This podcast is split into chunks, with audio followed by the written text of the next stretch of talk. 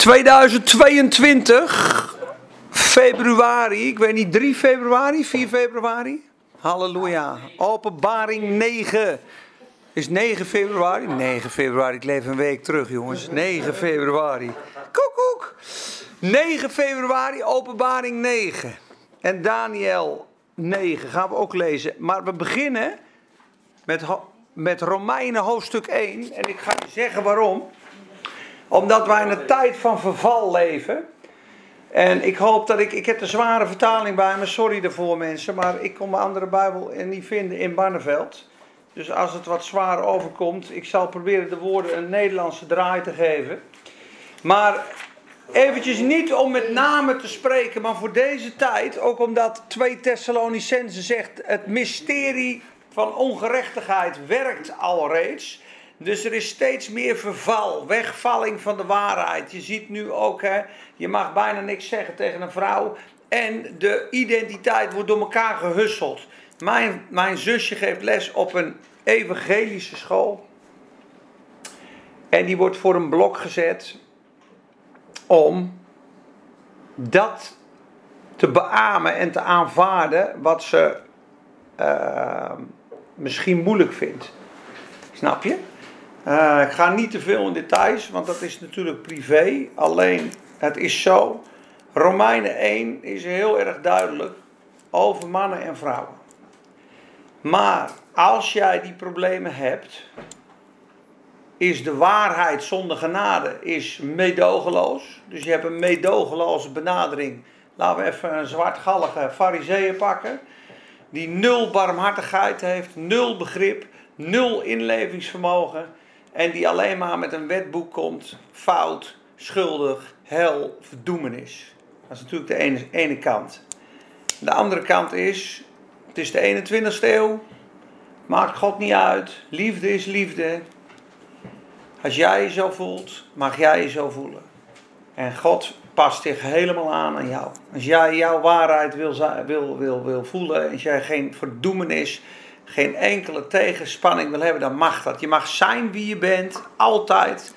En uh, niemand mag daar ook maar een vinger naar uitsteken. Dus eigenlijk moeten we gewoon niet zo zeuren en conform de 21ste eeuw gaan denken. Nou, daar hebben we het woord van God voor. Je hebt het woord en de geest, je hebt de genade en het geloof. En op het moment dat genade en waarheid elkaar vinden, dan heb je Christus. Een volle barmhartigheid. Ik omhels jou. Wat verschrikkelijk dat je je zo voelt. Of wat mooi. Sommige mensen zijn er trots op. Maar ik zeg, als je een baarmoeder hebt en je hebt eierstokken. Ja, dan heeft God je echt bedoeld als vrouw. Als je dan gelooft dat je een man bent en dat sterk gelooft, om welke reden dan ook, dan kan dat jouw waarheid zijn. Maar maak, dan wil, die, die mens wil dat het ook mijn waarheid wordt. Dus mijn perceptie van een vrouw moet worden een man. Dus 2 plus 2 is 5. Nee, is 4. Nee, is 5. Je veroordeelt mij, het is 5. Dus ja, wie is dan de waarheid? Dan ga je naar de Bijbel. En als de Bijbel dan zegt, luister, zo is het. Dan is dat waar. Dan moeten we ons voegen en schikken naar het woord. Het woord is het licht op ons pad. Is de lamp voor mijn voet is de waarheid, is de liefde. Alleen, je kan dit natuurlijk heel wettisch en onbarmhartig van één seconde naar een andere seconde. Je moet gewoon zo zijn, want het is fout. Ja, dat, is, dat is genadeloos. Dus hoeveel genade, hoeveel barmhartigheid is er? Volle barmhartigheid. Maar ik ben voor het volgende punt. Wij moeten niet goed praten wat krom is. Of recht praten wat krom is. En daar komt de verloedering. Daar zie je Genesis 19, Sodom. Sodom en Gomorra. Luister, je kunt praten wat je wil, maar God is er tegen. Van de kleine tot de grootste waren verzameld om het huis. God is in de Bijbel uitgesproken dat mannen en mannen niet bij elkaar horen. En dat is heel pijnlijk, want, als jij, want ze zeggen, joh, nee, daar staat schandknapen.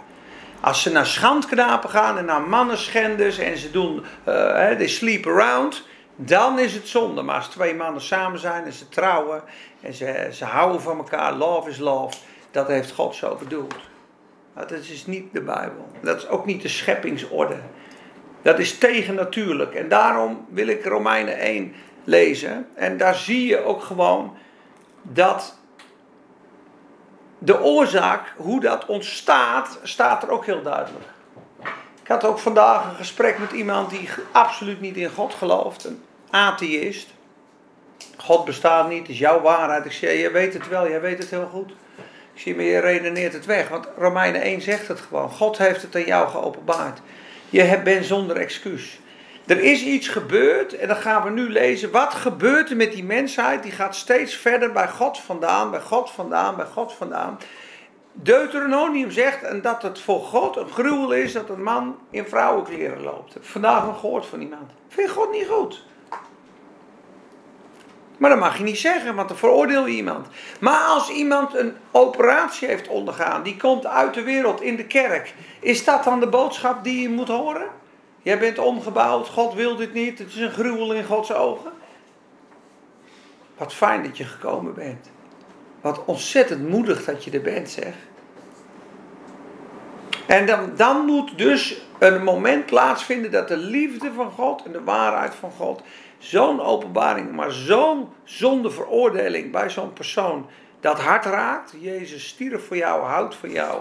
Maar uiteindelijk moet de waarheid ook gezegd. Ontmoeting komt voor standpunt, zeggen we. Oké, we hebben je ontmoet, we hebben je gekend, we hebben je gekoesterd, we hebben je dit. En wat is jouw standpunt? Heb ik niet. Want dan veroordeel ik je. Ik heb geen standpunt. Genade, genade, genade, genade, genade, genade, genade. Is enkel en alleen genade zonder waarheid is ook niet goed. Enkel en alleen waarheid zonder barmhartigheid is fout. Is demonisch. Discipline zonder liefde is misbruik. En ik ben er ook schuldig aan in mijn opvoeding. Want het moet allemaal instant veranderen. Ik had van de week een gesprek met iemand. Het mag er niet zijn, die gebrokenheid, Peter, bij jullie. Als iemand gebroken is, of verdrietig, of angstig, of bang, of geïrriteerd, of geagiteerd, of opstandig, of rebels. Mag het er zijn, Peter? Op dat moment staat Jezus met open armen klaar om die persoon te omhelzen en te troosten. Dat is stap 1. En dan, als het geland is, als er een plaats is, is het joh. Ik snap dat je boos bent. Ik snap dat je het er niet mee eens bent. Maar echt, dat is niet de weg. Haten en boos blijven. Omarm het. En die overgang van genade naar waarheid is heel kort. Er zit een heel kort lontje. Waarom ben je bang? Waarom zit je te zeuren? Oh, dat komt daardoor. Er is geen empathie en geen geduld. Ook heel vaak bij mij niet. Ook met jezelf niet. Ik ben bang, ik ben uh, noem wat. Ik ben ochtends zagrijnig. Mag het er zijn? Mag je bloedzagrijnig zijn? Ja, in, in een geestelijk uh, milieu niet. Hoe bedoel je zagrijnig? Dat hoort niet. Is geen vrucht van de geest? Weg ermee, nu, ah, acuut. Spartaans. We zagen dat zo'n persoon boos, die wil het niet, die staat op. En dat er iemand zegt, lukt het een beetje, gaat het een beetje met je. Zie dat je het zwaar hebt. Moet je nagaan dat die benadering van de Heer is. Ja, dan komen tranen, ja, voel me niet zo goed. Ik heb, ach joh, kom maar. Dat is genade. Dat is barmhartigheid, kennen we niet. Dus er is volle barmhartigheid voor een persoon die zich zo voelt. Volle omhelzing, volle erbarming. Maar ik ga nooit de weg op dat ik het goed ga praten, dat het Gods plan is en dat wij ons moeten conformeren naar die waarheid, omdat dat jouw waarheid geworden is. En dat is een heel pijnlijk iets. En daar zul je ook waarschijnlijk ooit voor, gestraft worden of voor vervolgd worden. Er komt natuurlijk een, een tijd, dan kunnen ze de gezonde leer niet meer verdragen. Dan wordt dit haatspraak.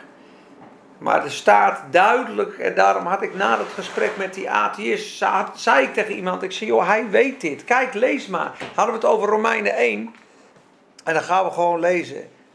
Romeinen 1, vanaf vers 18.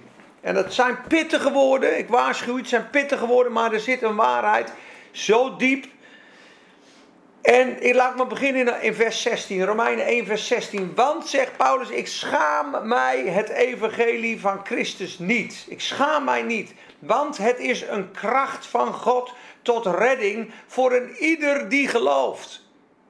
Eerst de Jood, ook de Griek. Want de rechtvaardigheid van God wordt hierin geopenbaard uit geloof tot geloof. Zoals geschreven is, de rechtvaardige zal uit geloof leven. Want de toren van God wordt geopenbaard van de hemel over alle, goed luisteren, alle goddeloosheid en ongerechtigheid van mensen, let op, dan komt hij, die de waarheid onderhouden in ongerechtigheid. Dus ze weten de waarheid, ja, en ze houden hem onder in ongerechtigheid. Dus ze spelen een spelletje. En daarom wordt God tonig. Gaat hij het uitleggen? Want hetgeen van God te kennen is, kennelijk voor hen is, die waarheid, ja, is in hen openbaar. Want God heeft het hun laten zien. God heeft het hun geopenbaard wat de waarheid was. Wat dan? Wat dan? Is de volgende vers. Hoezo dan? Hoezo dan? Hoe gaat hij dat uitleggen? Want, zie je het weer een want. Zijn onzienlijke dingen worden van de schepping der wereld aan uit zijn schepselen begrepen, verstaan en doorzien. Namelijk zijn eeuwige kracht en goddelijkheid opdat zij niet te verontschuldigen zijn. So that they are without excuse. Dus niemand heeft een excuus om te zeggen: Ik weet de waarheid niet. God bestaat niet. Ik ken God niet. Ik weet het niet. Ik weet het niet. God zegt: Je weet het wel. Ik heb het jou laten zien. Ik heb het je geopenbaard. Die waarheid weet jij. Kijk, en dan komt hij. Dan gaat hij dat helemaal uitleggen hoe dit ontstaat, die verloedering. Omdat zij God kennende, hey, zij God kennende, hem als God niet hebben verheerlijkt, nog gedankt, maar dwaas geworden zijn, verijdeld geworden zijn in hun overleggingen, in hun denken. En hun onverstandig hart is verduisterd geworden. Zie je dat? Zich uitgevende voor wijzen zijn zij dwaas geworden. En ze hebben de heerlijkheid van die onverderfelijke of on verwelkelijke God verandert in het gelijkenis van een beeld van een mens, een verderfelijk mens, of van een vogel, of van een viervoetig kruipend gedierte. Daarom heeft God hen overgegeven. Zie je? Oh, je, je, je verwijst mij, je weet de waarheid. Je verwerpt het. Ja? Jij, je, je erkent mij niet als God. Je dankt mij niet. Je verwerpt mij. Oké, laat ik je los geeft hij ze over. Kijk maar eens. Daarom heeft God hen ook overgegeven aan de begeerte van hun hart tot onreinheid om hun lichamen onder elkaar te onteren. Als zij die waarheid van God veranderd hebben in een leugen. Dus dat gebeurt vandaag de dag. De waarheid van God wordt veranderd in een leugen. En het schepsel wordt geëerd boven de schepper. En God is te prijzen tot in eeuwigheid. Wat gebeurt er dan? Daarom, omdat ze God niet gedankt hebben, omdat ze de waarheid van God in een leugen veranderd hebben, daarom heeft God hen overgegeven to a reprobate mind, staat er. Na oneerlijke bewegingen. Want ook hun vrouwen hebben het natuurlijk gebruik, natuurlijk gebruik van man en vrouw, verandert in een tegennatuurlijk gebruik. Dus hier zegt de Bijbel, het is tegennatuurlijk. En dan wordt het hate speech, want niemand wil dit horen. Maar dit zijn de woorden van God, de schepper van de mensen, de auteur en de maker van de aarde, de uiteindelijke rechter en waar wij mee te doen hebben. Alle dingen zijn open en naakt voor Hem met wie wij te doen hebben. Maar hij is vol barmhartigheid. Maar hier laat hij zien, doordat mensen God. Kijk, eerst zegt mensen, joh, luister, ik ken mensen die hebben zijn vreemd gegaan. Die zijn met de werkste vreemd gegaan. Die zonde is in dat leven gekomen. Ze zijn bij God weggegaan, Adam, met, met, met zijn blaadjes. En in plaats van dat te erkennen en terug te gaan en je te bekeren, gaat die Satan steeds verder. En verder. Op een gegeven moment wordt rationeel denken. Een gegeven moment zie je die oogopslag anders. God bestaat niet. Nee joh, want je hebt ook dit, je hebt dit, je hebt dat en dat. En nu op een verjaardag kijken die man, is het helemaal weggeredeneerd. Het is gewoon een demon ingekomen. Rationeel denken. Weg van de zonde. Overgegeven in een zin. Van kwaad tot erger. Die moet zich bekeren, dan komt die stem terug. Ik ga geen namen noemen, maar we noemen hem even Jaap. Jaap, je, weet de waarheid van God. Je weet dat God er is. Je, je verwerpt hem nu, omdat je de waarheid ondergehouden hebt in ongerechtigheid. En je hebt God niet gedankt en geëerd. Op een gegeven moment ben je overgegeven. En word je een vijand van God en ga je steeds verder bij God vandaan. Dan heb je geen leven meer, tenzij je een nieuwe God, een valse God creëert. En dan ga je de schepsel aanbidden. Een dier, dit deden de Egyptenaren ook. Met die sacrofagen en die sprinkhanen. Daarom kwamen al die plagen. Ze aanbaden het vee. Daarom was het hele vee. Ze aanbaden de zon. Boom, alles dicht. Ze aanbaden de kikkers. Tien keer straft God in Egypte een afgod. Boom, recht op zijn knaar. Tien afgoden. Met hagelstenen, de sacrofagen van de bomen gingen kapot. Die grote hagelstenen van God maakten die bomen kapot, waar ze de sacrofagen van bouwden, omdat ze doden aanbaden. En de Nijl aanbaden ze. Er was een God, bloed in de Nijl. Zie je dat God rechtstreeks tien grote demonen gebroken heeft in Egypte? En dat die demonen nooit veranderd zijn en die leugen willen brengen, ook vandaag de dag. Daarom, vers 26, heeft God hen overgegeven tot oneerlijke bewegingen. Want ook hun vrouwen hebben het natuurlijk gebruik veranderd in het tegennatuurlijk gebruik. Ook de mannen, nalatende het natuurlijke gebruik van de vrouw. Zie mij niet doen, jongens. Echt niet. Het is niet om eigen te rechtvaardigen, maar het natuurlijke gebruik van een vrouw, dat ga ik niet verlaten. Voor, voor een of andere boerenharm met een stuk stro in zijn in, overal. Ik ook niet. Oh. Een supermooie hinde hey, naast je liggen op een zijden matrasje. Maar een grapje jongens, maar ze hebben het natuurlijke gebruik van de vrouw en zijn verhit geworden in hun lust naar elkander. Mannen met mannen schandelijkheid bedrijvende en de vergelding van hun dwaling. Wat zegt de Bijbel? Wat het is? Het is een dwaling. God noemt het een dwaling, het is een dwaling. God noemt het tegennatuurlijk, het is tegennatuurlijk. Maar wij moeten het vandaag natuurlijk noemen en wij moeten het waarheid noemen. Dus je wil dat ik vanuit een dwaling, dat ik een dwaling ga omarmen, maar dan word ik zelf ook een dwaalster. Daarom staat er bij de valse profeten in Judas dwalende sterren. De sterren, daar leidden ze vroeger de, schip, de schepen mee. Dus dat was het kompas vroeger. Dwalende sterren, wandering stars. Dat gebeurt jongens met je. Je gaat de duisternis in. Dus er komt een tijd, dan gaat de Satan je gewoon op de spits drijven. Dit is de waarheid, dit is het algemeen aangenomen. Dat het een geaardheid is, zei Alberto Stegeman een keer in een programma.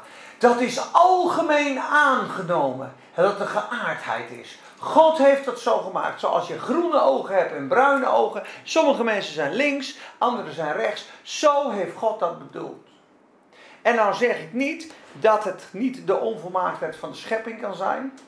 Net als iemand met het syndroom van Down. Dan zeg ik niet dat mensen daarvoor gekozen hebben, altijd. Er zijn zelfs jongens mensen die hebben met een vork in hun eigen testikels zitten prikken, huilend, vloekend, zwerend tot God. Ik heb zelfs een tweelingen tegen hun vader zien vertellen online met tranen. Daar kan je alleen maar mee huilen. Daar kan je alleen maar zitten met die gebrokenheid. Daar kan je alleen maar om haar armen. Dan kan je alleen maar lief hebben. Daar ben ik 100% eens. Maar snap jij dat het op een gegeven moment komt op een punt. Je mag zo zijn. Die kwetsbaarheid mag zijn. Die, die gebrokenheid mag er zijn. Maar het is niet Gods bedoeling. Hoe confronterend het ook is. Het is, het is, het is, niet, het is niet Gods bedoeling, lieverd. Echt niet. Alleen de natuur leert het al, want het brengt geen leven voort. Het brengt geen leven voort. Dat kun je al zien. Er zit geen scheppingsorde in. Hoe goed bedoeld het ook is, hoe mooi je ook kan praten. En het is liefde en ze houden van elkaar. Het is niet Christus en de kerk en de gemeente, man en vrouw. Echt niet. Dus die dwaling wijs je af. Kost je een prijs. Waarom denk je dat ze vroeger vermoord zijn? Waarom denk je dat Stefanus gestenigd is dan? Hij woont niet in een huis met handen gemaakt. Jullie hebben de wet niet gehouden. Altijd verzet gij lieden u tegen de Heilige Geest. Toen bersten hun harten. En pakten zij stenen en wierpen hem dood. Waarom? Hij gooide letterlijk hun heilige huisje om. Die tempel hier dan. Hij leert om de wet te vragen. En hij zegt dat God niet in deze tempel woont. Hij woonde hij niet meer. Hij woonde hier in de harten. Hij woont niet in, in, in, in, in, tempels met handen gemaakt. Ga onbesnedenen van hart en hardnekkige. Altijd wederstaat gij lieden de Heilige Geest. Wie van uw voorouders hebben de profeten vermoord? En u zelf hebt de wet niet gehouden, zegt hij. Hun eigen gerechtigheid gaat eraan. En hij woont niet in een huis met handen gemaakt. Ik gooi je heilige huis om en ik gooi je zelfrechtvaardiging om. Klaps, boom. Had hij niet moeten zeggen? Jongens, Stefanus zei het. Door de geest kosten ze leven, jongens. Er komt een tijd, dan spreek je het woord van God. Ga eraan. Ga er gewoon aan. Ga er gewoon aan. Martelaar. Gaat gebeuren. 100%. Voor dieren geworpen gaat gebeuren. Als je dit volgt, komt de tijd, dan gaat de Satan je klepperen. Boom, rechtdoor. Ga je dwars door die Satan heen. Gaat hij er alles aan doen. Of God geeft je ontkoming, maar er komt een tijd. Dan komt er zo'n vervolging op de waarheid van het woord. Ga je met je leven betalen. Maar je wordt opgewekt met zijn gelijkenis. Schandelijkheid bedrijvende en de vergelding van hun dwaling die daartoe behoort, ontvangen in zichzelf. En dit stukje moet gedeeld worden, jongens, in deze tijd. Of je het willen horen of niet. We hebben toch twaalf luisteraars. Jongens, geweldig. Je mag me doodschieten na, de, na de les. Dan ben je vol, ik. Ja, maar echt, eh, luister, er zijn mensen vermoord. Kijk, en dat, dat het ergste is, vind ik dit, en dat vind ik ook het moeilijkste. In de Tweede Wereldoorlog werden ook homoseksuele mannen vermoord. Dus dat ze verworpen worden, dat ze gehaat worden in de, in de islam, dat ze niet kunnen zijn. En mijn vrouw zegt, waar moeten ze dan heen? Komen ze in de kerk, waar moeten ze dan heen, Peter? Ze kunnen nergens heen. Dus Jezus heeft hen volop lief. Hij heeft de prijs betaald, zal hen nooit veroordelen. Huilt met hun. Bid voor hun, omhelst hun. Maar er komt echt een moment in het leven dat God ook zegt, lieverd, het is niet mijn wil voor je. Echt niet. Ik hou van je. Echt waar, ik hou van je, maar het is niet de wil. Ik heb het zo niet bedoeld. Het is pijnlijk. Ik weet dat je identiteitscrisis hebt, ik weet dat je verdriet hebt. Ik weet dat alles in je schreeuwt en dit niet kan ervaren. Maar ik weet van mensen die eruit gekomen zijn, die zeggen heel diep van binnen wist ik het wel. Maar ik zocht naar wegen om mijn eigen aanvaardbaar te maken. Ik wist het wel.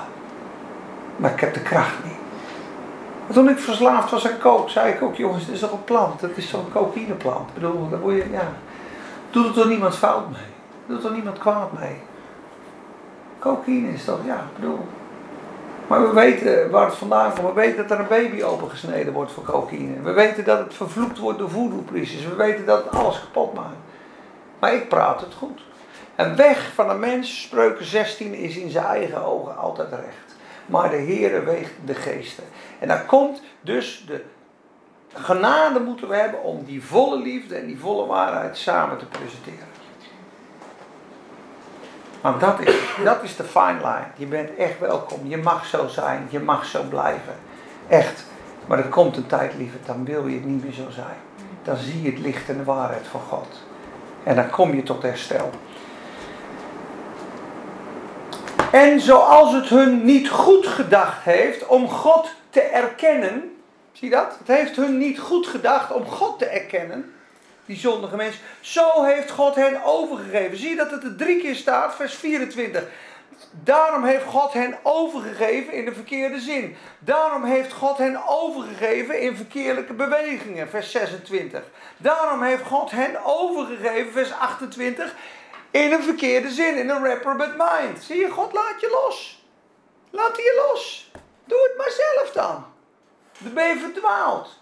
Om dingen te doen die niet betamen. Dus dan laat God je los in de zonde, jongens. Kijk eens wat er gebeurt dan. Vervuld zuilen met alle ongerechtigheid, hoererij, gierigheid, kwaadheid. Nou, lees die hele lijst maar. Ze weten het recht van God. Namelijk dat deze die zulke dingen doen, de dood waardig zijn. Ze doen niet alleen deze dingen, maar hebben ook mede een welgevallen in degene die ze doen. Dus hier zie je de verloedering van de aarde en de zonde, hoe dat progressief toeneemt. En het begint met het verwerpen van God. En het kan, lieve mensen, dat drie voorgeslachten, voordat iemand geboren wordt, hun ouders God verworpen hebben. En dat een kind zo in zonde geboren wordt, in zo'n verval, dat je denkt, ja maar die heeft toch niks gedaan. Die speelde toch in de pophoek. Tot in het tiende geslacht. Er kan zelfs misbruik in 1600 zijn. En we zitten zes, zeven generaties verder. En die geest heeft God uit dat generatie, uit die generatie weggehouden. Waardoor er steeds meer verloedering is. Kijk eens naar Sodom en Gomorra. Hoe verloederd was het? Er was geen vrouw meer aantrekkelijk. Dat is toch heftig, jongens, hè? Het zal zijn zoals in de dagen van Noach. Het zal zijn zoals in de dagen van Lot. Zegt de Heer Jezus, terugkomst. 2 Thessalonicense, het mysterie werkt al reeds. Het zal zijn als in de dagen van Lot. Wat was er? Lot gaf zijn dochters, die bouwen ze niet. We willen seks met die engelen. Met die mannen. We werden met blindheid geslagen, jongens. Dat is heftig. Die tijd leven wij. En dit stip ik aan. Ik weet niet waarom. Maar ik denk we beginnen met Romeinen 1. Maar we gaan nu naar eh, openbaring 9. Ik weet niet of dit een carpaccio volgerecht was van de Heer. Of dat je het kon handelen. Of dat het een pittige... Een heel pittig carpacciootje was. Dat weet ik niet. Jongens, kunnen jullie het nog handelen? Of uh, moet ik hem op een ander onderwerp... Uh... Zo prima. Ja? Ja, deze. Ja, jongens, het zijn gewoon de woorden van God. Lees anders maar 1 Timotheus 1. Mag je ook thuis lezen, 1 Timotheus 1, Romeinen 1 in het boek. Lees hem maar eens in het boek. Lees hem eens biddend. Dat is de wil van God, dat is de weg van God, dat is de waarheid van God. De Heilige Geest zegt nooit iets wat niet in lijn is met het woord van God. Dus welke profeet, welke dominee er een woord spreekt als door de geest, ja, wat niet in lijn is met de Bijbel, de geest en het woord zijn één. God is de geest. Als de Bijbel zegt in Romeinen 9, wat zegt de schrift, is de stem van God, wat zegt de Heer, wat zegt de schrift? Daar staat God spreekt. God is de schrift. God is de geest in de schrift, in het woord. Halleluja. Kijk maar wat er staat in 2 Thessalonicense. Als die, als die over misleiding praat. Paulus. Kijk maar wat er staat in die laatste dagen wat er gaat gebeuren. Wij bidden u, broeders, door de toekomst van onze Heer Jezus en onze toevergadering tot Hem, dat u niet snel bewogen wordt van verstand of verschrikt, noch door geest, noch door woord, noch door een zendbrief, als die door ons geschreven zou zijn, alsof de dag van Christus aanstaande waren. Want niemand, laat niemand u verleiden op enige wijze, want die dag komt niet tenzij eerst een apostasia plaatsvindt, een afval van de waarheid. En de zoon des mensen, de, is de mens der zonde, de zoon des verderfs, die zich tegenstelt en verheft, tegenstelt en verheft boven al wat God genaamd wordt of als God geëerd wordt. Wat hebben we net gelezen? Ze gaven God geen eer.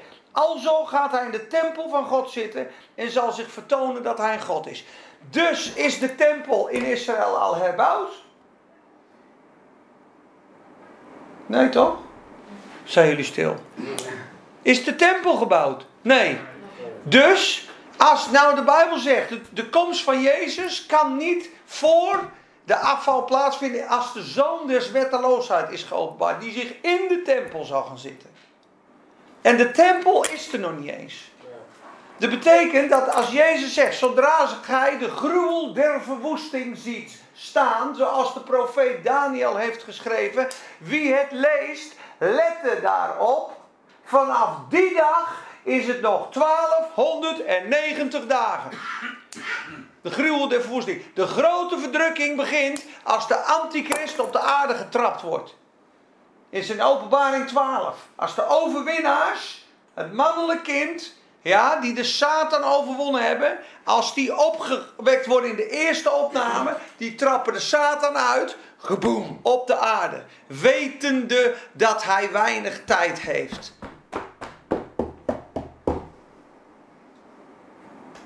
En dat is de zevende jaarweek. En of dat zeven jaar is of drieënhalf jaar, gaan we vanavond zien. Want hij komt namelijk eerst in vrede.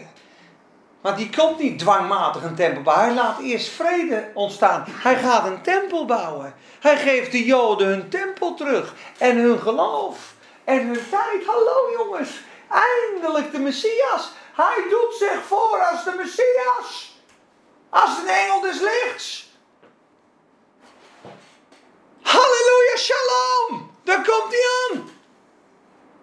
En als zij denken eindelijk rust en vrede, overkomt hen een plots verderf en zij zullen voorzeker niet ontvluchten. Zie dan, ik heb het u van tevoren gezegd.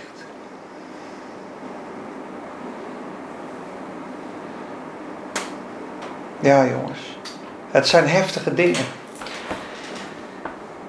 Weet u niet dat ik deze dingen gezegd heb toen nog bij was? En wat hem wederhoudt, weet hij, weet gij, opdat hij geopenbaard wordt. Want kijk, vers 7, de verborgenheid der ongerechtigheid wordt alreeds gebrocht. Werkt alreeds. Alleen die hem nu wederhoudt, zal hem ook wederhouden.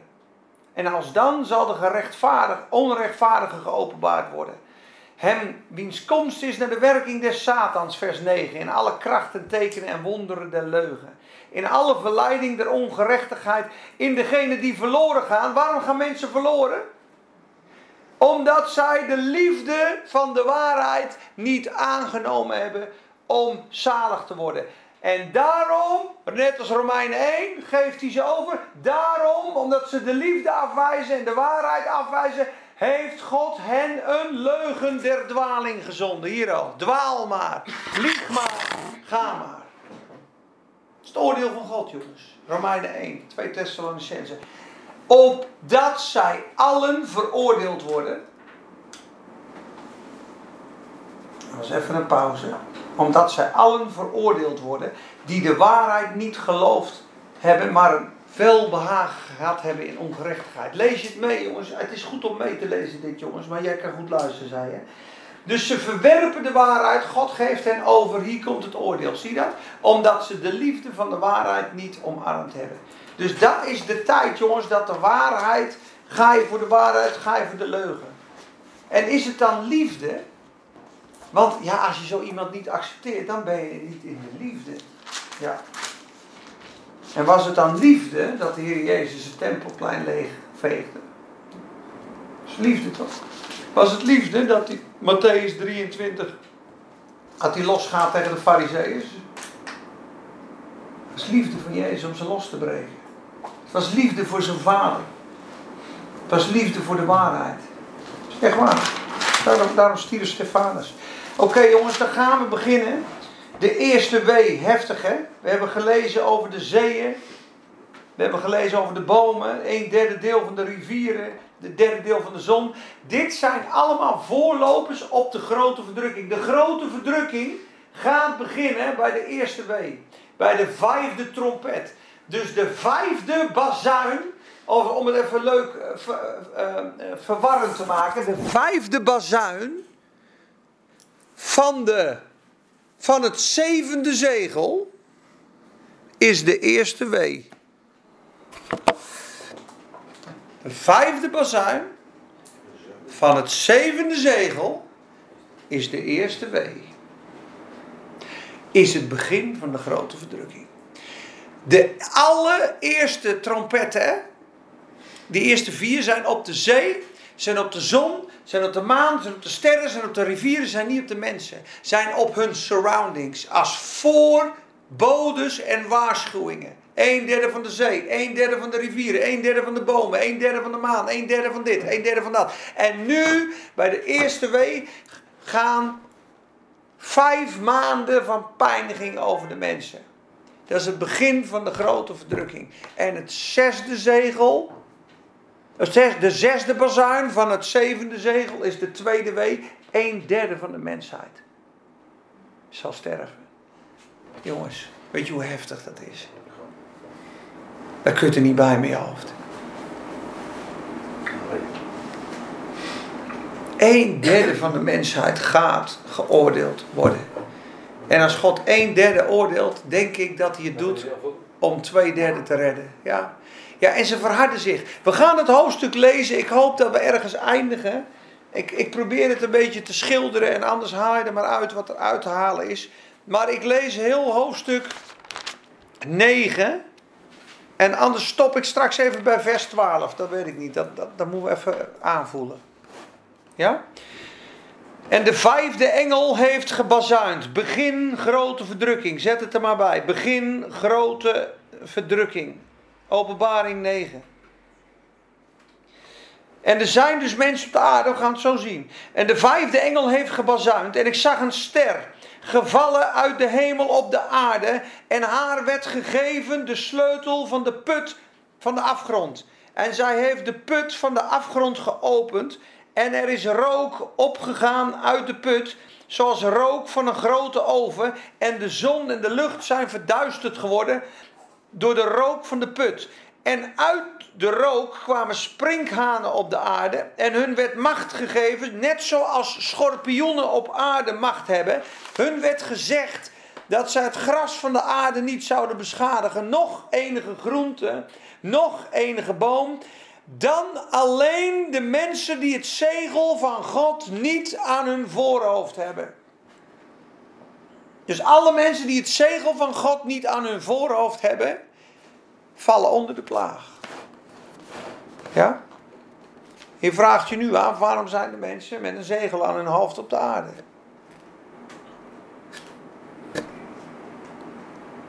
Waarom zijn ze op de aarde dan?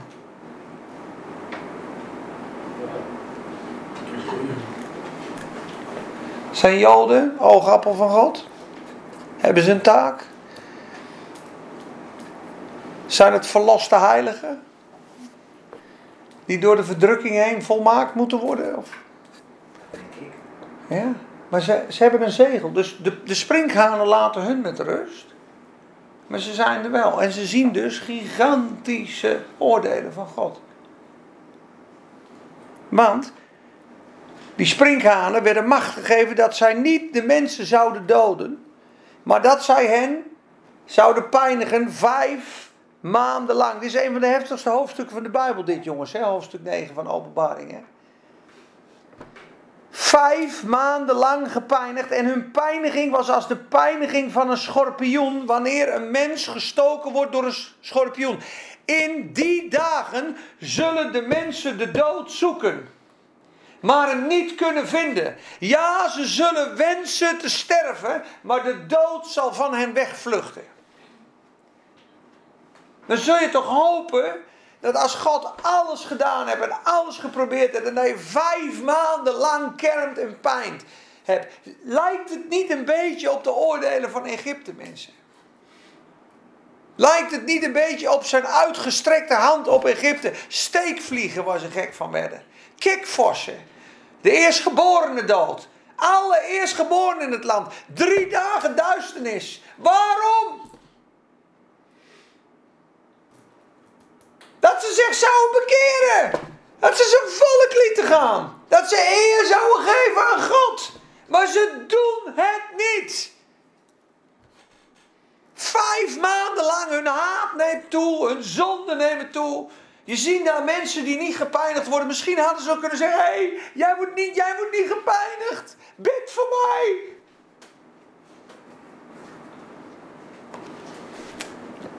En ze zullen begeren te sterven en de dood zal van hen wegvluchten. En de gedaanten van de sprinkhanen waren als paarden gelijk, die tot de oorlog bereid waren. Op hun hoofden, ik ga er wat sneller doorheen, op hun hoofden waren als kronen, als goud gelijk. En hun aangezichten als aangezichten van mensen. Ze hadden het haar van vrouwen, tanden van leeuwen, borstwapenen van ijzer. En hun vleugels en het gedruis van vele wagens was net als vele paarden die naar de oorlog lopen of naar de strijd lopen. En ze hadden staarten van schorpioenen en er waren angels in hun staarten. En hun macht was de mensen te beschadigen vijf maanden lang.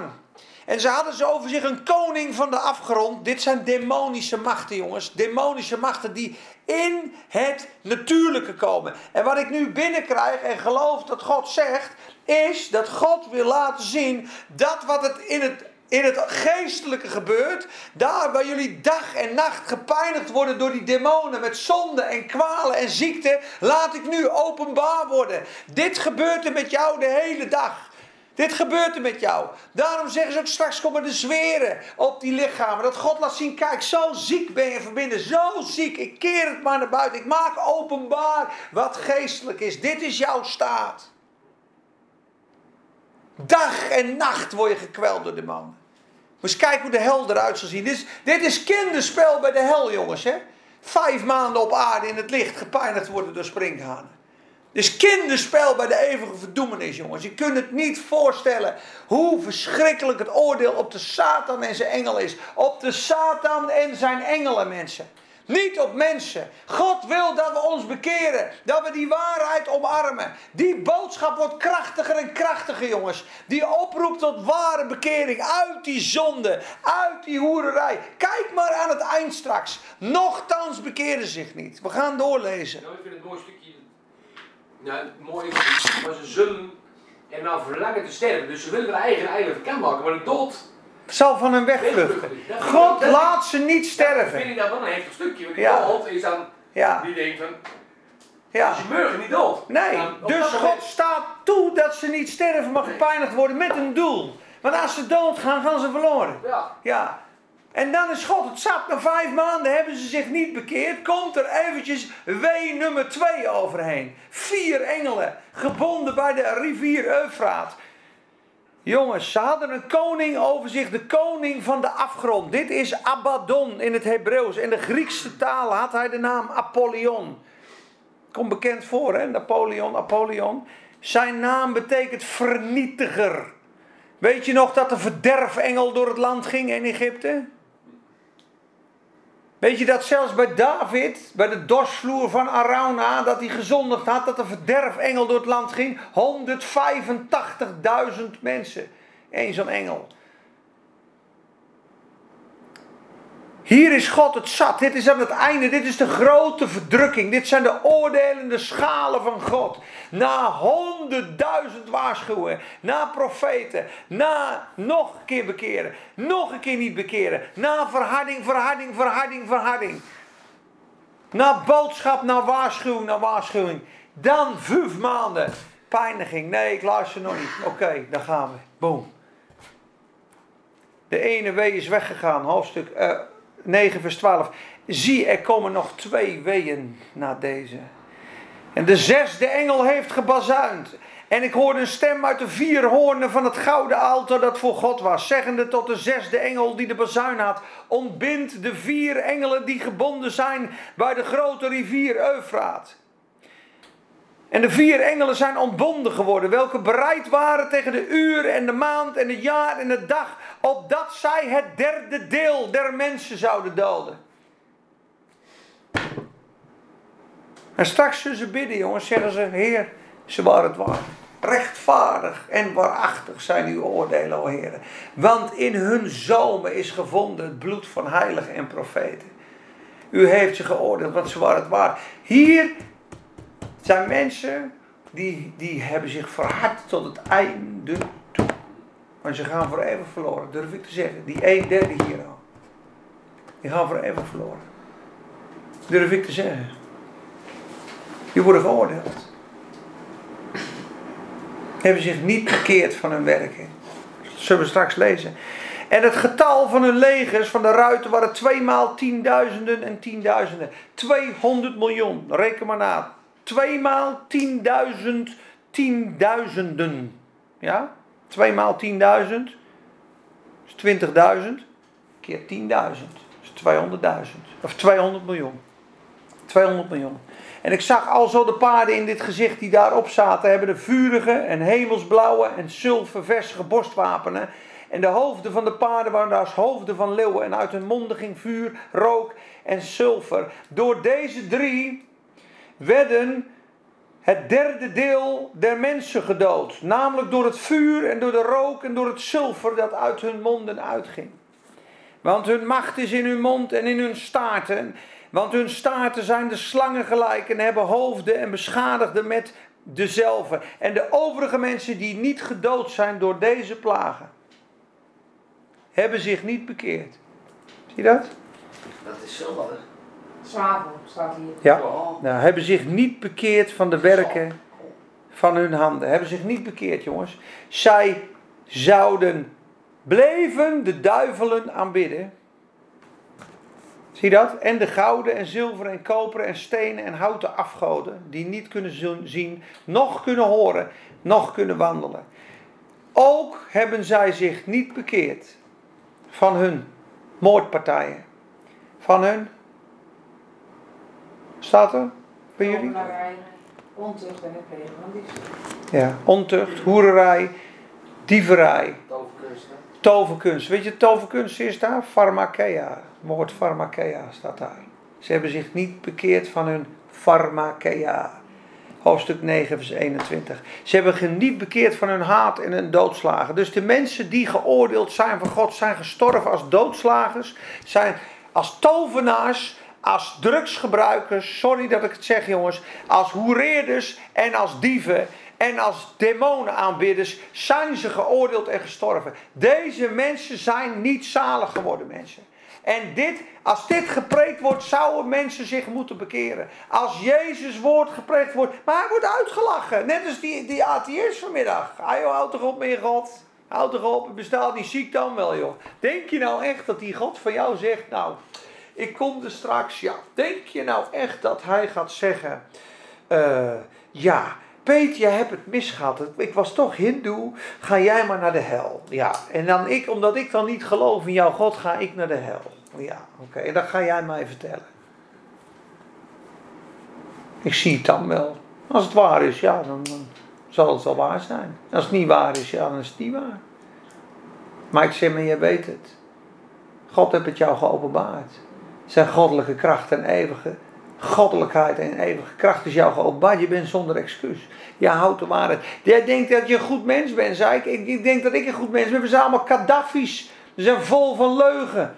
Vol van bedrog en jaloezie. Als je ons, ons leven openbaar gooit, jongens. Denk je dat we zo schoon en zo goed zijn? Denk je dat? Denk je als je je gedachten en je daden van één maand projecteert. En je zonde van één maand. Dan zeg je schaamtevol in een hoekje. Dan zeg ik ben schuldig. Ik ben absoluut schuldig. Er is maar één manier waar ik gered kan worden, is door het offer van Jezus, zijn genade. Ik ben schuldig. In mezelf ben ik schuldig. Niemand is rechtvaardig. En goede mensen gaan ook verloren, jongens. Jezus is gekomen om ons te verlossen uit de macht van de zonde en de Satan. Wij hebben God vertrapt. Wij, wij hebben gezondigd. Wij zijn haters van God geworden. Wij leven in vijandschap. En nu willen we God weg hebben gezeikamer en die Bijbel en die waarheid. Laat hem lekker oprotten.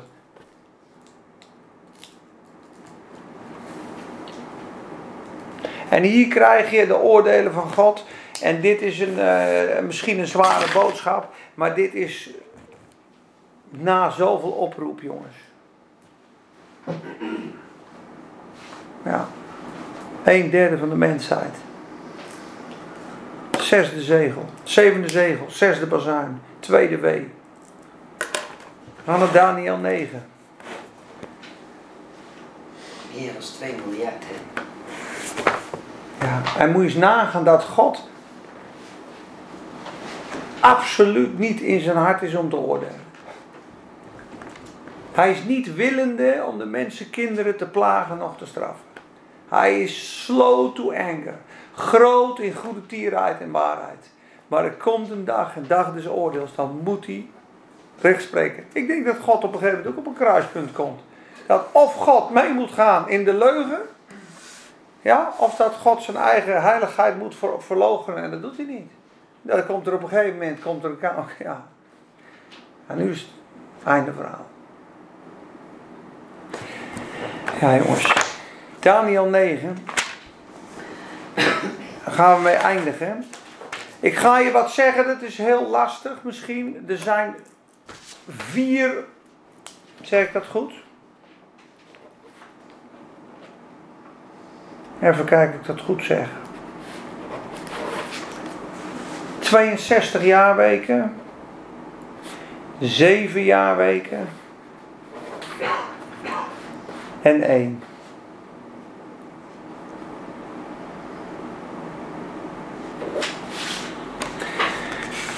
Vers 23. Daniel 9. 70 weken, vers 24, sorry, neem me niet kwalijk. Daniel 9, vers 24. Maar vers 23 zegt wel mooi: Uw smekingen zijn gehoord. Ik ben gekomen om u het woord te kennen te geven. Want gij zijt een zeer gewenst man. Versta dan dit woord en merk op dit gezicht. Dan krijgt hij een profetisch woord van God. 70 weken zijn bestemd over uw volk en over uw heilige stad, Jeruzalem. Om de overtredingen te sluiten, om de zonde te verzegelen en om de ongerechtigheid te verzoenen en om de eeuwige gerechtigheid aan te brengen, om het gezicht van de profeet te verzegelen en om de heiligheid der heiligheden te zalven. Weet dan en versta, want de uitgang van het woord om te doen wederkeren om Jeruzalem te bouwen tot de Messias van de vorst zijn zeven weken. Dus je hebt zeven weken. Deze weken zijn jaren. Ja, dus een jaarweek. Dus die 70 weken zijn 70 keer 7 jaren. Ja? 490 jaar. Let goed op. Tot op Messias, de vorst, dat is Jezus, zijn 62 weken. 62 keer 7. Je kan goed rekenen, Ariaan, hoeveel is dat? 62 keer 7. 420, 420 en 14? 62. 7 keer 60 is 420. 7 keer 2 is 14. 434, precies. 434 jaar is een periode geweest. Totdat Jezus ging regeren, Messias. Toen is het. Tot op de Messias de vorst zijn 7 weken en 62 weken. Zie je dat? 69 weken. De straten en de grachten zullen wederom gebouwd worden. Dus er is een periode van 7 keer 7 jaar geweest. Er is een periode van 434 jaar geweest. De laatste jaarweek moet komen. Dus de 70ste jaarweek, ja, is de vervulling op Jeruzalem, is de grote verdrukking, is die laatste jaarweek. De zeven jaar die nog moet komen, moet nog in vervulling gaan. Waarom de Bijbel het in 62 en 7 en 1 verdeeld heeft, weet ik niet. Maar 7 is geweest, 62 is geweest en die laatste moet nog komen. Dat is de zeven jaar.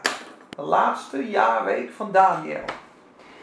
Kijk, na die 62 weken, ja, zal de Messias uitgeroeid worden. Dat is toch de Heer Jezus, hè? Aan het kruis. Maar het zal niet voor hemzelf zijn en een volk van de vorsten het wel komen zal, zal de stad en het heiligdom verderven. En het einde zal zijn met een overstromende vloed. En tot het einde toe zal er oorlog zijn en vastelijk, vast besloten verwoestingen. En hij zal velen het verbond versterken. Één week. Nu komt het nieuwe verbond. Dat is het verbond wat de antichrist gaat maken met Israël. Vrede. En in de helft van die week, na 3,5 jaar, begint de grote verdrukking, zal hij het slachtoffer en het spijsoffer doen ophouden. De tempel is herbouwd, het slachtoffer is er, het spijsoffer is er. De Joden zijn lekker aan het offeren. Halleluja, alles is weer goed. En over de gruwelijke vleugel zal hij een verwoester zijn. Ook tot de voleinding toe. Dit is vast besloten en zal uitgestort worden over de verwoester. Dus de laatste jaarweek is een verbond tussen de antichrist en Israël. En hij gaat straks die Messias, die in die tempel zit, twee Thessalonicenzen gaat komen. En hij komt met vrede. En de tempel wordt herbouwd. En mijn moeder zegt, de tempel ligt al klaar. Die staat in drie dagen. Alles staat al klaar. Dus wij moeten straks al weten, als de tempel herbouwd wordt in Israël, is het het begin, een zeer aanstaande van de laatste jaarweek van Daniel. En dan zullen wij waarschijnlijk een charismatische mens zien die zich voordoet als vredestichter. En die is me toch wijs en hij verstaat raadselen, zegt hij. En hij spreekt en hij zal tijden en wetten veranderen. En hij zal, en hij zal, en hij zal. En de Arabieren en de Joden. En hij zal een man van groot aanzien. En hij zal niet doen naar de weg der vrouwen. Staat er ook nog. Daniel 11, vers 40. Als ik het goed heb.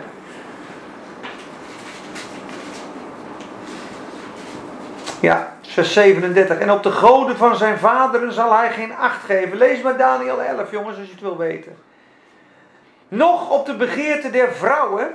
Hij zal ook op geen God acht geven, maar hij zal zich boven alles groot maken. Dus er komt straks een grote nieuwe heerser, een Messias. Die gaat vrede stichten in het Midden-Oosten. En de Joden krijgen hun tempel. Ja.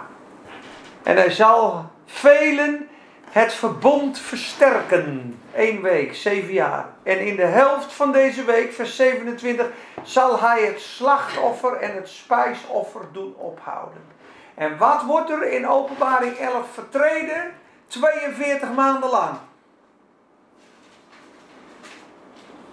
Wat wordt er vertreden 42 maanden lang? De tempel, Jeruzalem, wordt vertreden en aan de heidenen gegeven. 42 maanden lang is 3,5 jaar. Mijn twee getuigen, hoofdstuk 11 vers 2, zullen 1260 dagen profiteren. Die antichrist gaat de tempel vernietigen en gaat zich in de tempel zetten. Ik ben een God en hij gaat zijn koninkrijk bouwen. En dan komt dat grote beeld. En dan begint de grote verdrukking. Het tweede drieënhalf jaar van de laatste jaarweek. En wanneer die jaarweek begint, weten we niet. Maar we weten dat als de tempel herbouwd wordt. En Jezus zegt: zodra gij ziet de gruwel der verwoesting, die zich zal zitten in de tempel. Hij zal staan op de heilige plaats. En ieder die het leest, lette daarop. Waar staat dat? Weet je, het staat, lieve schat. Daniel 12 aan het eind. Ik begin in vers 9, jongens, Daniel 12. En hij zeide, ga heen Daniel, want deze woorden zijn toegesloten en verzegeld tot de tijd van het einde. Velen zullen er gereinigd en wit gemaakt en gelouterd worden. Halleluja. Doch de goddelozen zullen goddeloos handelen. En geen van de goddelozen zullen het verstaan. Maar de verstandigen zullen het verstaan. En van die tijd af dat het gedurig offer zal worden weggenomen. Zie je dat? Hij zal het spijsoffer en het drankoffer zal die wegnemen, toch? Hebben we net gelezen. En de verwoestende gruwel zal gesteld zijn. Zullen zijn 1290 dagen. Welzalig is hij die verwacht en geraakt tot de 1335 dagen. Dat zal waarschijnlijk de eerste gedeelte zijn, daar heb ik geen licht op. Maar gij ga heen tot het einde, want gij zult rusten en opstaan in uw lot in het einde der dagen. Dit zegt Jezus, jongens. Van de tijd af dat het gedurige offer gestopt zal zijn. En de gruwel der verwoesting gesteld zal worden is het nog 1290 dagen, is de laatste 3,5 jaar. God wil dat wij voor die tijd gelouterd, rein en wit zijn. Dat we met hem de bruiloft vieren. Ja, voor de mensen die blijven in de wereld, ja, verzegeld. Maar je gaan er doorheen. Waarom? Ik heb het licht er nog niet op. Maar dat is wat ik geloof. Dat we hopelijk geen gelijk hebben dat alleen de Joden zijn. Kan. Kan. Kan. Maar goed, hij zal de heilige overwinnen. Heb je dat gelezen, jongens, vorige keer? Heb je dit gelezen? Hoofdstuk 7, vers 25. Als je wil weten wat er straks gaat gebeuren, ik herhaal dit maar. En dan eindigen we echt, jongens. Halleluja. Nog vijf minuten. Wat gebeurt er in deze tijd? Hoe eindigt deze tijd? Het staat in de Bijbel. Openbaring 7, vers 23. En hij zeide dit: Het vierde dier zal het vierde rijk op aarde zijn. Dat zal, ver, zal anders zijn dan alle andere rijken en koninkrijken die geweest zijn. Het zal de ganse hele aarde opeten en het zal de hele aarde vertreden en verbrijzelen. Nu over de tien hoornen die jij gezien hebt, Daniel. Uit dit grote wereldwijde koninkrijk zullen tien hoornen opstaan. Kun je het nog volgen? Nee, want we zaten zijn- eerst Daniel toen openbaring. openbaring. Oh, sorry. Daniel zaten 7. ja, Sorry, neem me niet kwalijk. Zei ik openbaring? Ja, ik. Ja. Sorry, schatjes. Sorry, Sorry. Ja, ik ook. sorry, sorry, sorry. Het is Daniel 7, vers 25. Vers, Goed zo. sorry, sorry. Excuseer. Sorry. Zijn we er? Sorry. Da- Daniel 7, vers 23. Hij zeide al dus: Het vierde dier zal het vierde koninkrijk op aarde zijn. Dat zal verschillen van alle andere koninkrijken en zal het hele aardrijk opeten, vertreden en ver- verbrijzelen. En de tien hoornen die jij gezien hebt, uit dat grote koninkrijk, One World Order, zullen tien koningen opstaan. En een ander zal naar hen opstaan. Die zal verschillen van de vorige koningen. Hij zal drie koningen vernederen.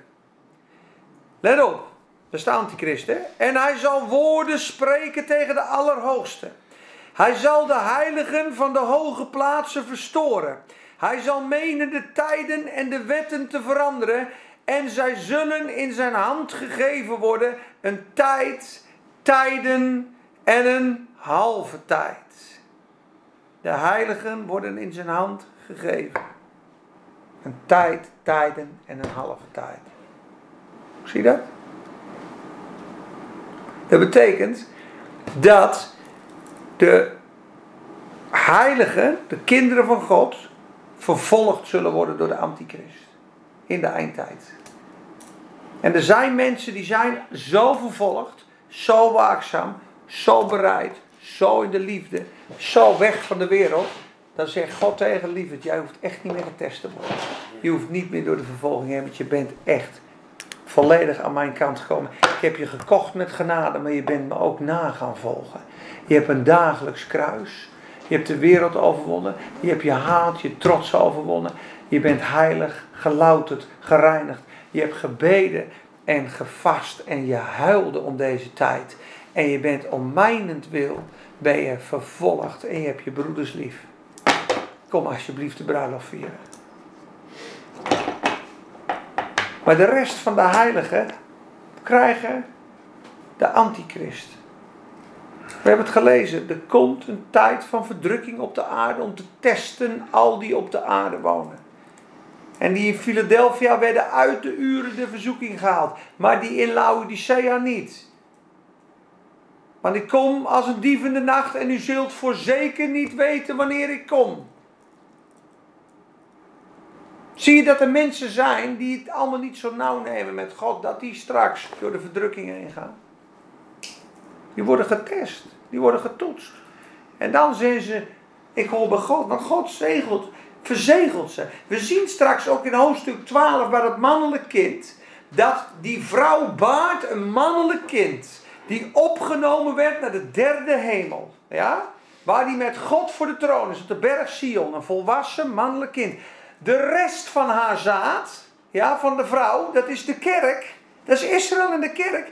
De rest van haar zaad voerde krijg tegen de draak en hij overwon hen. Staat er. Hij vermoordt ze. De draak vermoordt zelfs de twee getuigen. God staat toe in hoofdstuk 11 dat die twee getuigen gedood worden door het beest. Maar die worden opgewekt. Maar dan geeft hij de vrouw vleugels als een adelaar en zal dat volk verzorgen buiten het gezicht van de slang. Dus God gaat ons beschermen en verzorgen. Maar we hebben de vervolging van antichristen dragen. En daar moeten wij doorheen. We moeten de Satan overwinnen en de wereld overwinnen. Dan zijn wij volwassen. God wil in ons zien een overwinnend christen. Ik heb aan het kruisen Satan overwonnen. Jij bent met mij gekruisigd, met mij gestorven. Ik heb jou in de hemelse gewesten geplaatst. Als een zoon, een dochter, een koning en een priester. En ik wil dat je uiteindelijk ook gaat staan. Ja. Dat je ook een koning en een priester bent en wordt. En als jij maar een baby blijft. Ik, jij moet die Satan overwinnen. Want in jou moet gezien worden mijn volbrachte werk. Mijn volle zegen, mijn volle kracht, mijn volle heiligheid. En dan ben je volwassen. Dat is wat God wil. Totdat wij alle komen tot de eenheid van het geloof. Tot een volwassen man. Tot de maat van de volheid van Christus. Dat we niet meer als kinderen heen en weer geslingerd worden. Maar dat we zouden zijn een expressie van God. En dat is wat, wat God wil. En dan is de Satan volledig onder je voeten. En dat moet hij zijn. En zodra hij over ons regeert, regeert hij over ons. Maar wij moeten hem overwinnen. Tot aan de dood toe hadden ze hun leven niet lief.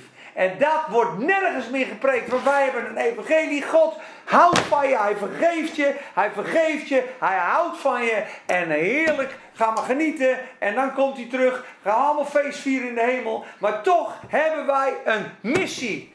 Een heilige roeping. We zijn ook het leger. Wij zijn degene die uiteindelijk die Satan moeten vertrappen uit de hemelse gewesten. Vertrappen uit de aarde. Vertrappen uit ons leven. Die slang die ons verleid heeft in de tuin. Die moeten we overwinnen. En dat is waarom er uiteindelijk. Waarom, worden ze onthoofd dan? Waarom worden ze onthoofd? Omdat ze het merkteken geweigerd hebben. Oprotten! Ik hoef er niet bij te horen. Niks, geen teken. Niks, geen nummer. Dan ga je kop eraf. Hakken maar. Maar ze zetten er toch. Waar zijn ze dan? Hoe kunnen ze er wezen dan? In hoofdstuk 13. Waar, waar, waar zijn ze dan? Het zijn mensen met een tegel van God op hun hoofd. Zijn mensen die overwonnen hebben over het beest. Kijk maar in hoofdstuk 15. Op de glazen zee zingen ze het nieuwe lied van Mozes. Zij die de overwinning over het beest hadden. En hun werd tronen gegeven. En ze zongen een nieuw lied. Dus wij moeten ook overwinnen, jongens. En het, is, het is verschrikkelijk om te lezen dat er zulke oordelen over de aarde komen. Maar laten we hopen dat de oren van de mensen open gaan. Dat er vele zalig worden. En dat wij staan als stralende sterren en veel vrucht mogen dragen. Amen. Amen. Zullen we een, rond van, een ronde van gebed doen? Opmerking inschakelen. Mensen, ik eh, heb geen opmerkingen kunnen zien. Maar als er vragen zijn, kan je ze stellen. En als er hier mensen zijn die vragen hebben, kun je ze ook stellen. En als er hier mensen zijn die vragen hebben, kun je ze ook stellen. Ja, ja, dat- Ja. en als je dan dat teken hebt en, die, en dan komt dat, krijgen die mensen die dat teken hebben ook al die eh, plagen. De kinderen van God. Ja, die, die dan af, want je Nee. zegt de sferen komen, Nee. want dat komt Nee, nee, dat en- is op de zondaren. De oordelen komen over de wereld. En niet over de christenen. Kijk, daarom staat er ook. Beschadig alle mensen, behalve degene die het teken op hun voorhoofd hebben. Dat zijn de kinderen van God en de Joden. Snap je? God gaat jou niet eh, vijf maanden lang laten buiten door een sprinkhaan hoor, als zijn dochter. En die zal je ook niet laten vermoorden door drie kikvorsen uit de hel. Je bent zijn kind, je bent zijn dochter. Alleen hij wil dat die dochter opgroeit. Kijk, hij, Maar als hij, je dat toch leest, dan denk ik op dat ik voor de titel ben. Hij dit toch allemaal horen. Als Petrus in de tijd zit, Ja, hij zit snap ik ook wel. Ze snap, eh, ik, mijn vader is, is, is er niet meer, denk ik, die helemaal naast ja, maar waarom, waarom zou je er doorheen is moeten? nogal wat. Maar waarom zou je er doorheen moeten? Gods plan is dat je er helemaal niet doorheen gaat. Alleen wij houden dus blijkbaar zoveel van de wereld en van de dingen dat je, bedoel, je de, volle weg van God gaat. Nee, maar ik bedoel, die ellende. Ja, maar die ellende. Maar lieverd, luister nou eens goed naar me. Luister nou eens goed naar me. Dit is de tijd van de ellende. Ja? Gods wil is dat wij voor de ellende omhoog gaan. Ja? Hier, hier, hier, dit is zijn wil. Daar gaan heel veel mensen doorheen. Maar hier had God ze op willen halen. Aan wie ligt het? Aan God of aan ons? Ja. Ja, dus we willen zo graag vasthouden aan de wereld en onze dingen. Terwijl God zegt, die wereld, jullie worden helemaal verzaakt bij die wereld. Maar uiteindelijk is die prijs dan te hoog.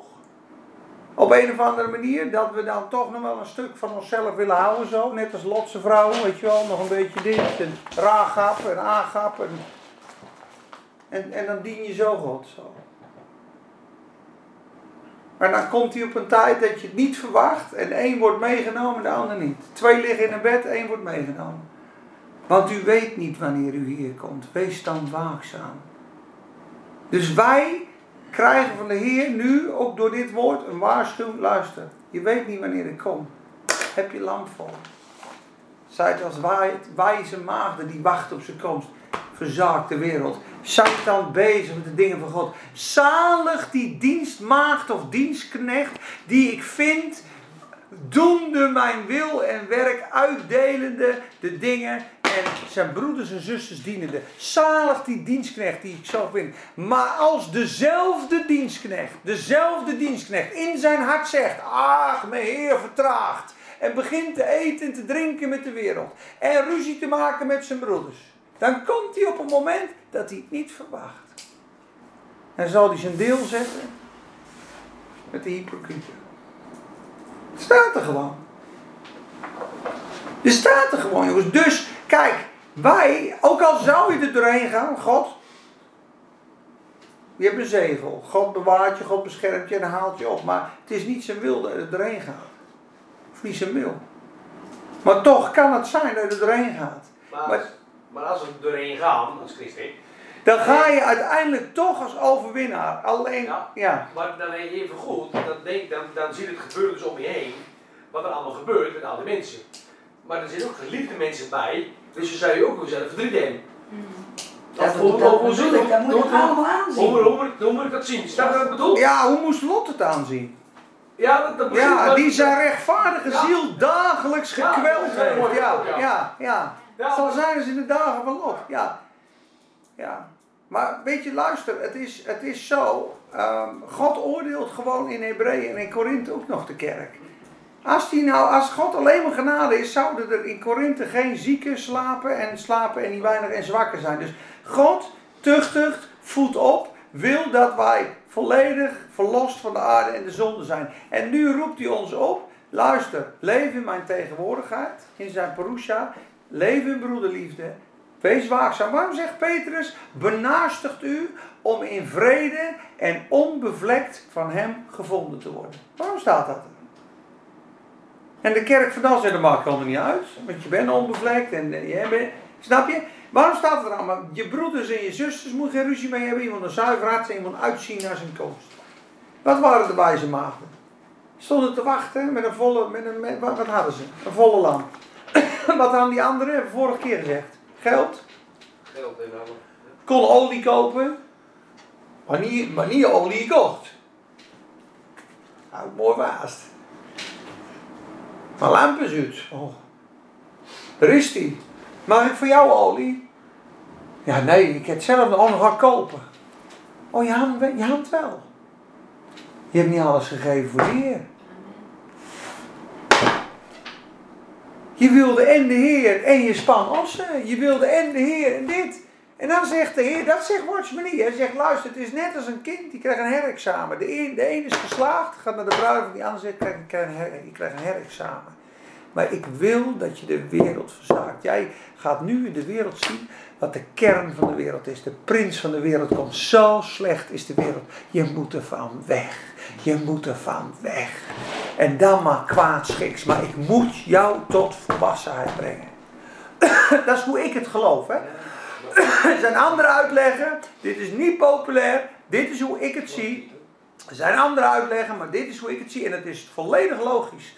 Want hij zegt namelijk ook, wie volhardt tot het einde toe, zal gered worden. Waarvan? Kijk maar Marcus 13, Matthäus 24. De grote verdrukking. Het gaat over de grote verdrukking. U zult overgeleverd worden aan koningen. U zult vervolgd worden om mijn naams wil. Maar wie tot het einde toe volharden zal, hoeft niet meer door die verdrukking heen. Na die dagen, er komt de verdrukking. Dus je snapt wel als iemand altijd de vervolging van Jezus kruis uit de weg gaat. Geen gekruisigd leven. Nee, hier eromheen, daar eromheen. Dat, die op een gegeven, dat de Heer op een gegeven moment zegt, welk hout ben je nou gesneden? Moet je geloof beproefd worden, vriend. Als je hem vandaag volgt, dan weet je toch dat je vervolgd wordt of niet. Als je echt de weg van, Christus gaat, word je toch vervolgd. Dan ben je toch klaar. Maar als je nooit vervolging gekend hebt, dan denk ik dat God je geloof gaat beproeven. Dat denk ik. Het is een test voor allen die op de aarde wonen. Dus, maar goed, dit is hoe ik het zie. Ik zie namelijk, ik heb al vaker over gehad, te veel waarschuwingen in de Bijbel bij de wederkomst. Te veel bekering, geen ruzie met je broeders, onberispelijk, heilig, waakzaam, bidden, schoon, lenden omgooid. Ja, ik wil ze wel een keer allemaal voor je opschrijven, maar als je alle 27 gaan lezen, of alle 30, zeg je Peet, zo klaar als een klontje is het. De Heer wil dat we klaarstaan, dat we rein zijn. Verspoedigende zelf staat er de dag des Heren. Hoeveel te meer moet u zijn in heilige wandel en godsvrucht als u deze dingen weet. Want de aarde zal verbrand worden met de elementen. Hoeveel te meer moet gij zijn in heilige wandel en godsvrucht, verspoedigende de dag en komst des Heren. Bespoedigende. Dus hoe sneller wij weg zijn bij de wereld, hoe sneller de Heer terugkomt. Daar wacht hij op. Dat zijn de eerstelingen. Daar wacht hij op. Dat zijn degenen die rijp geworden zijn. Die manchild, die staan en regeren waarvan de Heer zegt, kijk, daar ben ze, de overwinnaars. Daar ben de volwassen zonen van God, waar de hele schepping rijkhalsend naar uitkijkt. He he, daar zijn ze. De mannen van God. En daar moeten we allemaal naartoe. Je kunt er niet een baby daar aankomen. We moeten toch opgroeien. Volwassen mannen en zonen en dochters van God moeten worden. Echt waar jongens, dat is gewoon wat we moeten doen. En dat doet God in ons. En als jij met hem blijft, maakt hij je volwassen. Maar ga je constant je eigen weg, mis je je groei, mis je je groei. Naar de tijd gelekend had je al een leraar moeten zijn. Maar je hebt nog steeds melk nodig. Maatje, ik heb het heel lang geprobeerd met genade. Maar het wordt nu met de geestel. Maar volwassen maken doe ik je. Dat geloof ik. Dat geloof ik. Maar uiteindelijk is het om je goed te doen. Om je de heerlijkheid te geven. Om straks in die plaats van glorie aan te komen. In volle straling en een der heren. Weet je dan zegt? Weet je dan zegt? Jezaja 12. Dan zult gij zeggen, dank u heren dat u vertoornd op mij geweest bent. Want nu ben ik gekomen tot uw volle verlossing. En gij zult vreugde scheppen uit de bronnen des heils. Jezaja 12 vers 1 tot 6, lees het maar eens. U zult de Heere danken dat hij toornig op u geweest is. Amen. Bijzondere boodschap. Amen. Hebben we nog een vraag? Ja, we hebben een vraag.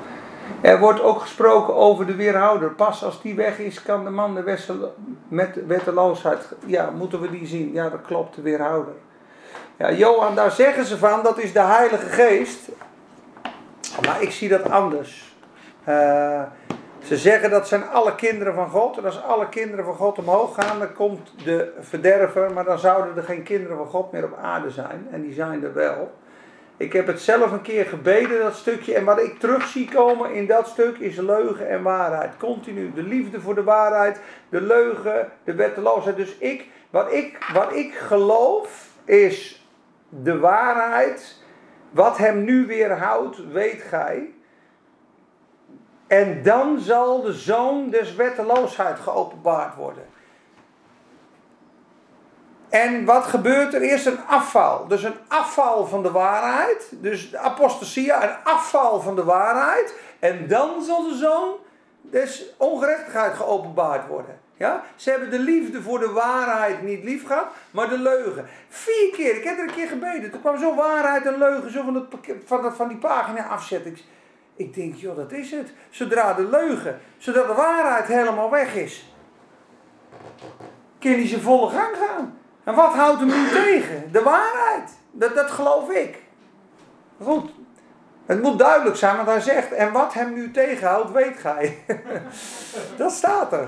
Dus ze wisten het toen. Maar goed, dat is een, een goede vraag, maar wel een moeilijke vraag. Maar ik geloof, eh, ik hoop dat het waar is dat ik ongelijk heb dat alle christenen omhoog gaan. En dat dan de, de, de joden het evangelie gaan prediken. En dat dan alle christenen eh, gered worden. Baby-christenen die dan gelijk door de grootste verdrukking gaan. Alle tijden heb ik al een keer gezegd dat ik dat heel moeilijk vind. Want dan, is, dan heb je iemand die net tot geloof gekomen is. Die krijgt eh, gelijk de grootste verdrukking. Die wordt wakker bij, bij zegel 6. Ja, ik, ik zie dat anders. Maar ik snap het wel. Amen. Jongens, 82 minuten. Ik beter ook niet op. Prijs de Heer. Maar jij zegt over dief in de nacht. Ik, ik heb geleerd, voor hen die mij niet kennen, komt hij als een dief in de nacht. Voor hen die mij wel kennen, dat zijn de, de, de tekenen. Dan is het, het komt hij dan niet voor, de, voor zijn... Als jij in het licht wandelt, hè. Van de tijden en gelegenheden, broeders, hoef ik u niet te schrijven. Want u weet zelf dat de Heer komt als een dief in de nacht. Dit en dit en dat. En dan, maar voor u, kijk, het toch? Maar er staat niet zal, er staat zou. Dat is een hele belangrijke. Kijk maar eens wat er staat. Waarom roept hij daarna op tot waakzaamheid? Kijk. Want de Heer zelf zal met een geroep van de engel en de bazuin dus hemel neerdalen. En die in Christus gestorven zijn, zullen eerst opstaan. Daarna wij die levend overgebleven zijn, zullen met de Heer tegemoet gaan in de, lust, in de lucht. Vertroost met deze woorden. Amen, zegt iedereen. Dan gaat hij verder, hoofdstuk 5. Maar, begint hij van de tijden en de gelegenheden, broeders, hebt gij niet van nodig dat men u schrijft. Want gij weet zelf zeer wel dat de dag des Heren als u komt, zoals een dief in de nacht. Want wanneer zij zullen zeggen het is vrede en zonder gevaar, zal een haastelijk verderf hun overkomen, zoals de barensnood over een bevruchte vrouw, en ze zullen het niet ontvlieden. Maar gij, broeders, dat klopt hè, wat je zegt, zijt niet in duisternis, dat die dag u als een dief zal bevangen of zou moeten bevangen. Zou bevangen. Gij zijt alle kinderen van het licht en niet des, des, des nachts, nog de duisternis. Laten wij daarom niet slapen zoals de anderen, maar laten we waken en nuchter zijn. Want die slapen, slapen s'nachts en die dronken zijn, zijn s'nachts dronken. Maar wij zijn van de dag. Laten we dan nuchter zijn, aangedaan hebben, het borstpanzer van de geloof, de liefde en de hoop tot de zaligheid. Want God heeft ons niet gesteld tot toorn, maar tot verkrijging van de zaligheid. Dat zegt hij duidelijk. Zie je, wij maken ervan, het zal u niet overkomen. Hij zegt, nee, jij bent in het licht. Het zou jou niet moeten overvallen.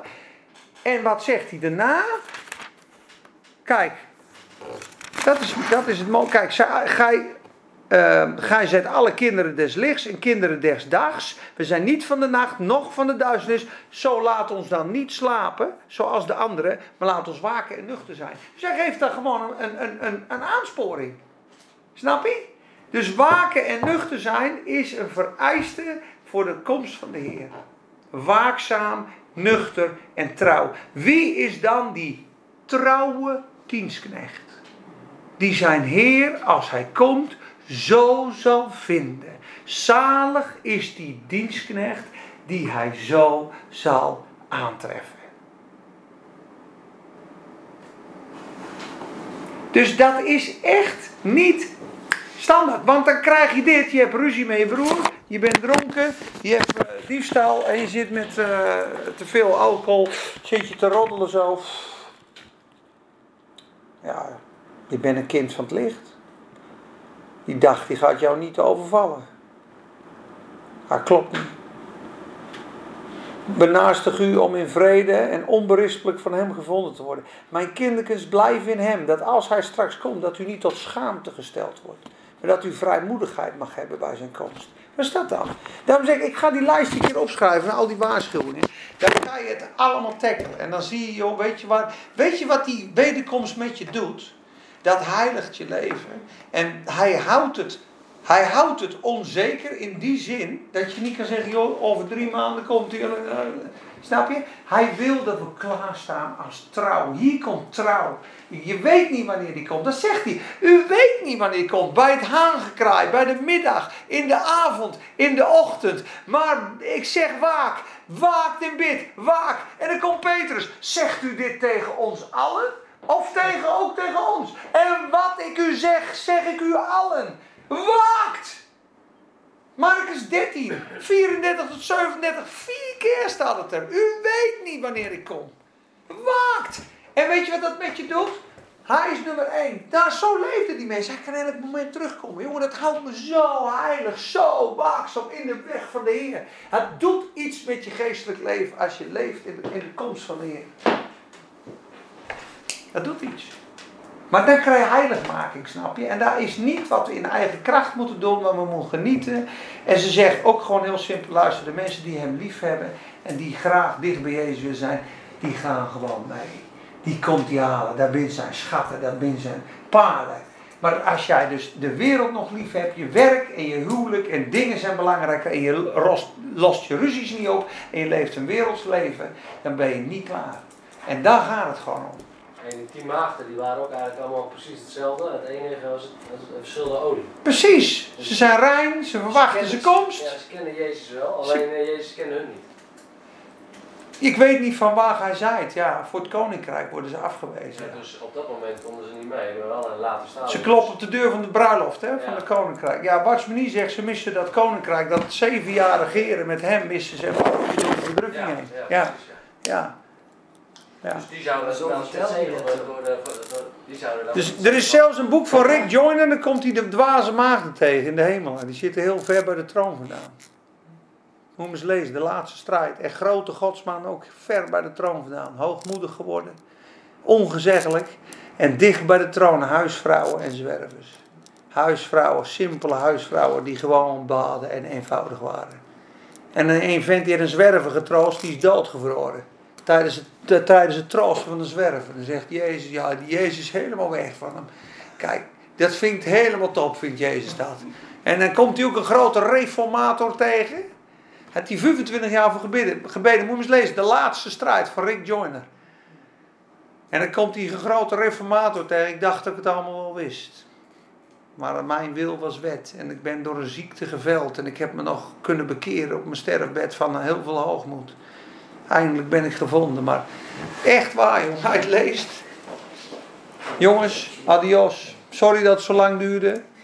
92 minuten. I love you. Bedankt hè. Ze slapen allemaal al.